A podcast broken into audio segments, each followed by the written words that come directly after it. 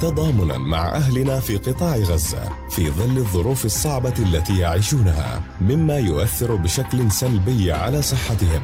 تسعى الإغاثة الطبية الفلسطينية إلى تقديم سلسلة حلقات من خلال هذا البودكاست عبر أجيال للتوعية عن الوقاية من الأمراض المعدية ومتابعة الأمراض المزمنة وكيفية تقديم الإسعافات الأولية ورعاية الحوامل والواضعات ودعم الصحة النفسية. وقت الطوارئ والأزمات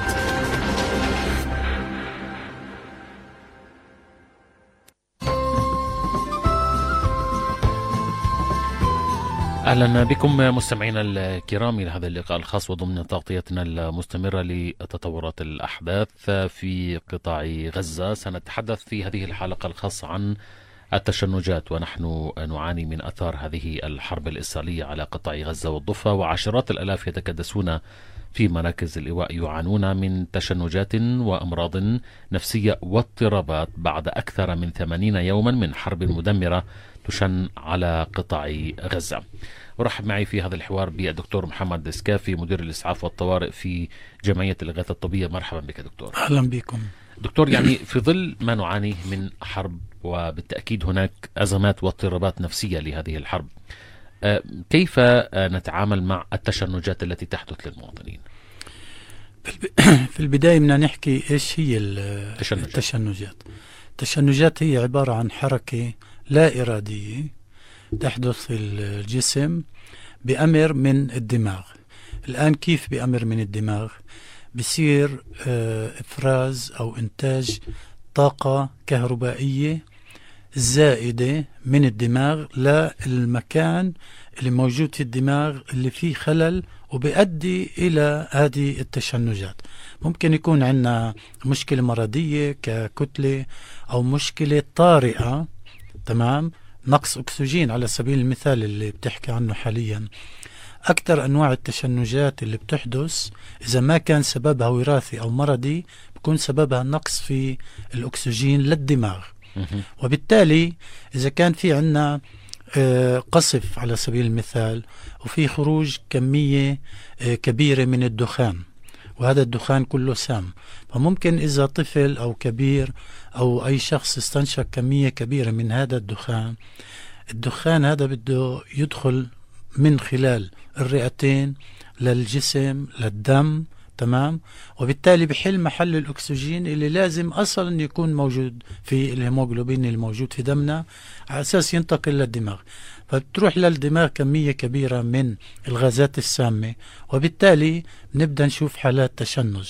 وفي حالات تشنج موجودة في آه، غزة للأسف بسبب القصف العنيف وبسبب خروج كمية كبيرة من الدخان السام الناتج من القنابل والغبار وغيرها طبعا. هاي الحالات اللي حكيت عنها دكتور كيف ممكن نتعامل معها؟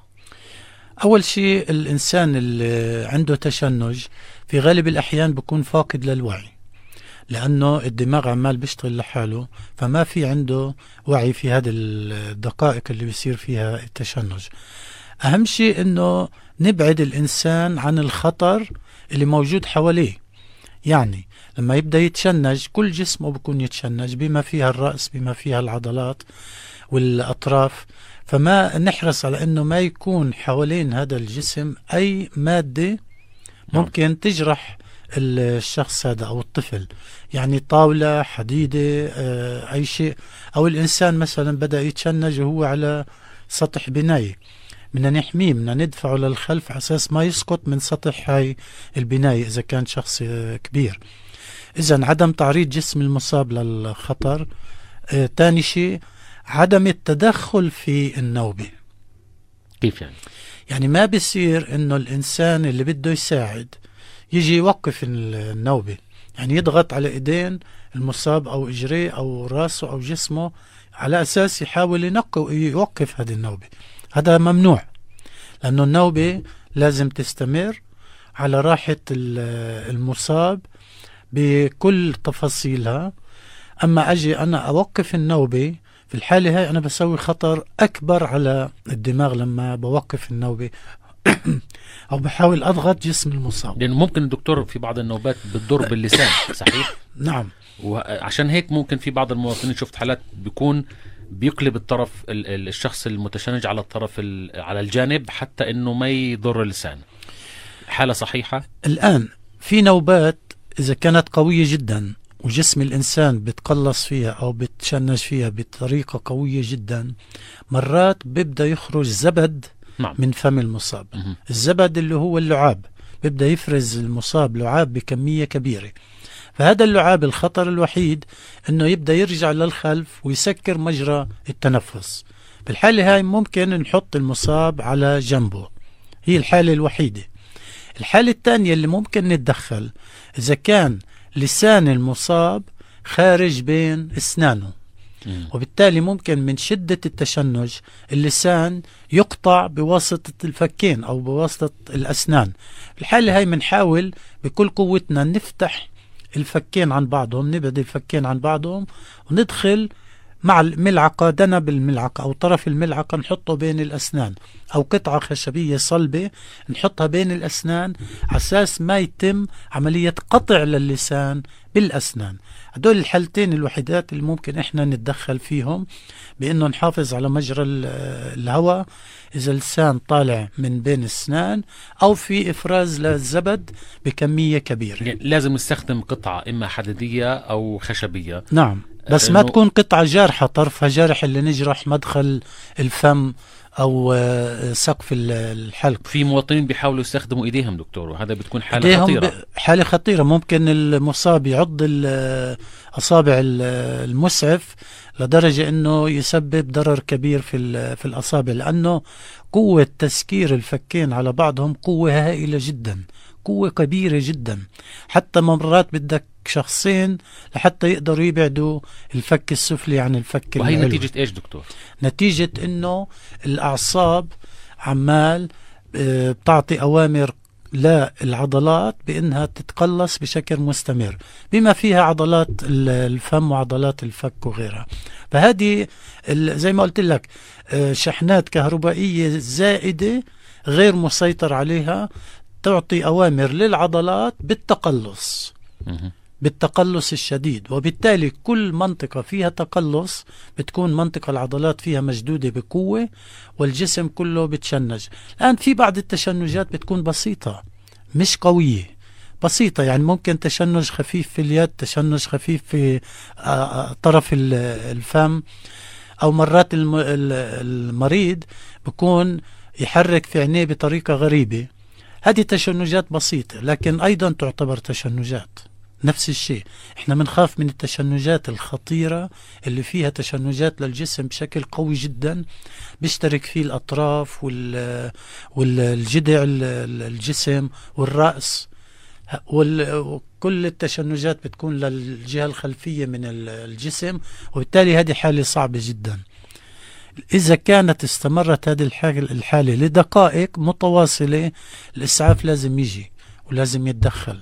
طب هلا إحنا بدنا نوجه كلامنا دكتور بمجمله ل آه، آه، المواطن في مراكز الإيواء بتعرف لا في إسعافات ولا في نعم.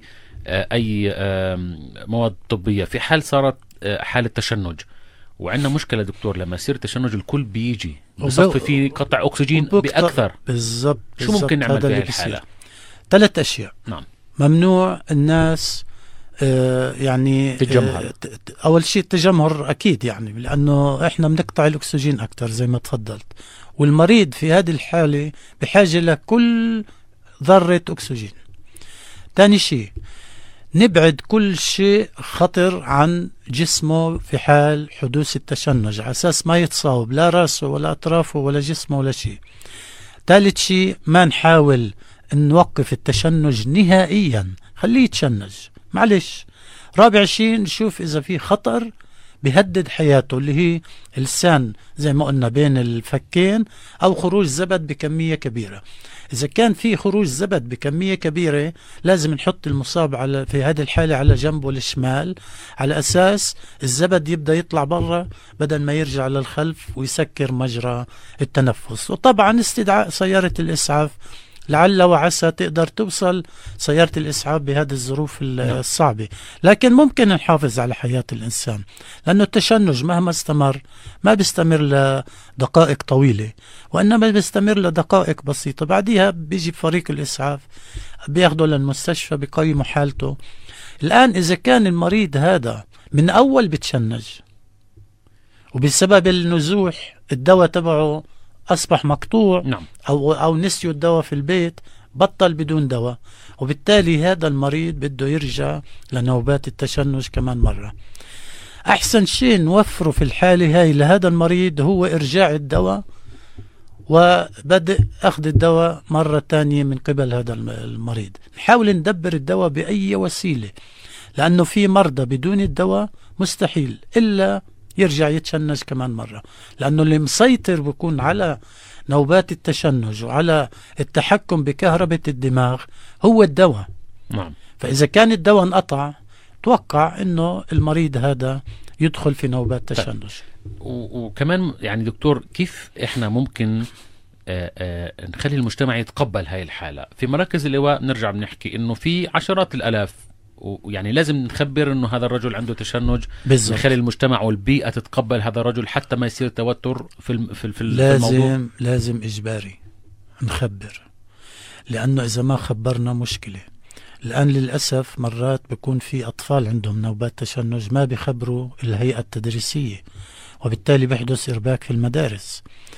آه، مرات أمهات بتكون عندها تشنج والأمهات هذه حامل أو بتروح على المراكز تتعالج بس المراكز بيكونوا مش عارفين إنه عندها نوبات تشنج وبالتالي آه، بتسقط في المركز وبتبدأ تتشنج.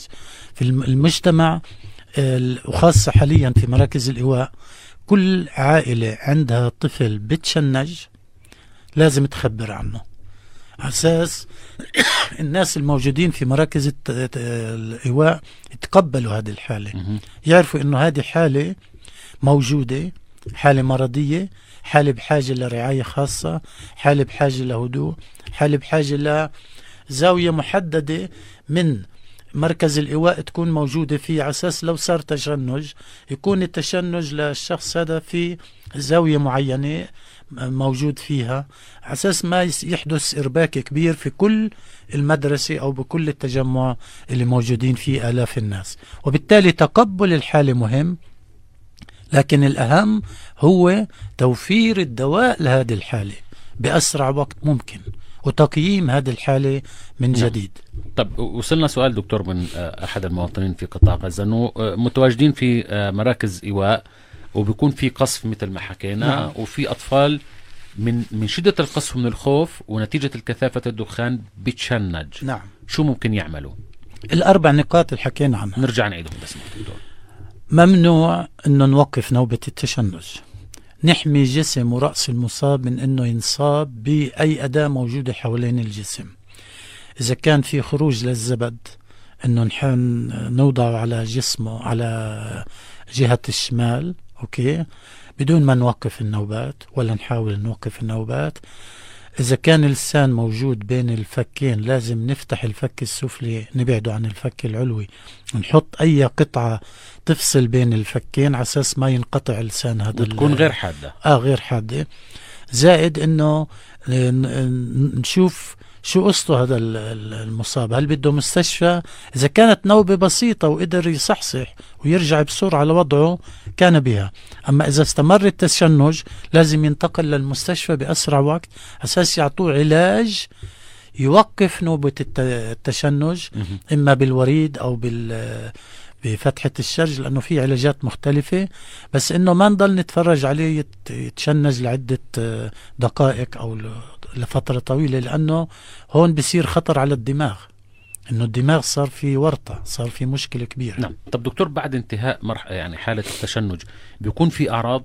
بعرف في ناس بيكون بصير معه صداع آه، شديد بصير في معه إرهاق بصير في معه تعب بالجسم؟ نوبة التشنج بتسوي آه، تعب شديد جدا في العضلات. يعني اللي بتصيبه نوبة تشنج قوية كأنه كان يشتغل طول النهار في شغل شاق في هالدقيقة أو الدقائق اللي تشنج فيها كأنه طول النهار عشر ساعات بيشتغل في شغل شاق. إذا بصير تعب شديد جدا في العضلات. آه اللي بتشنجوا بيناموا بيدخلوا في نو في نوبة نوم أو في في نوم عميق. ما نفيق هذا المصاب. ما نفيقه. خليه ينام. خليه يرتاح لأنه عضلاته ودماغه أصبحت بحاجة لراحة. فما أجي نجي نفيقه نقول له الحمد لله على سلامتك لا بسيطة لا خليه ينام. عشان هو بحاجة لفترة النوم هاي بحاجة ماسة. بعدين لما يصحصح هاي بنبدأ يعني نتفقد في نعطيه سوائل نحكي معه نهدي ونحكي مع الأهل. الآن إذا كان زي ما قلت لك من أول هو عنده النوبات. فنحاول نوفر له الدواء لأنه توفير الدواء في غزة الآن بالنسبة للحالات العصبية أو اللي بتعاني من أمراض عصبية صعب جدا. أو بل بل يكاد مستحيل. ما فيش فيش أدوية بغزة إلا الأدوية اللي بتيجي من برا. والآن هذه توصية للمؤسسات اللي بتدخل الأدوية من خارج غزة وبتشتري الأدوية وبتوفرها.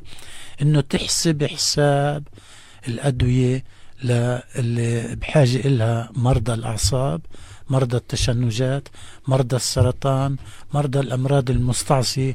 كل هذا لازم ينحسب حسابه.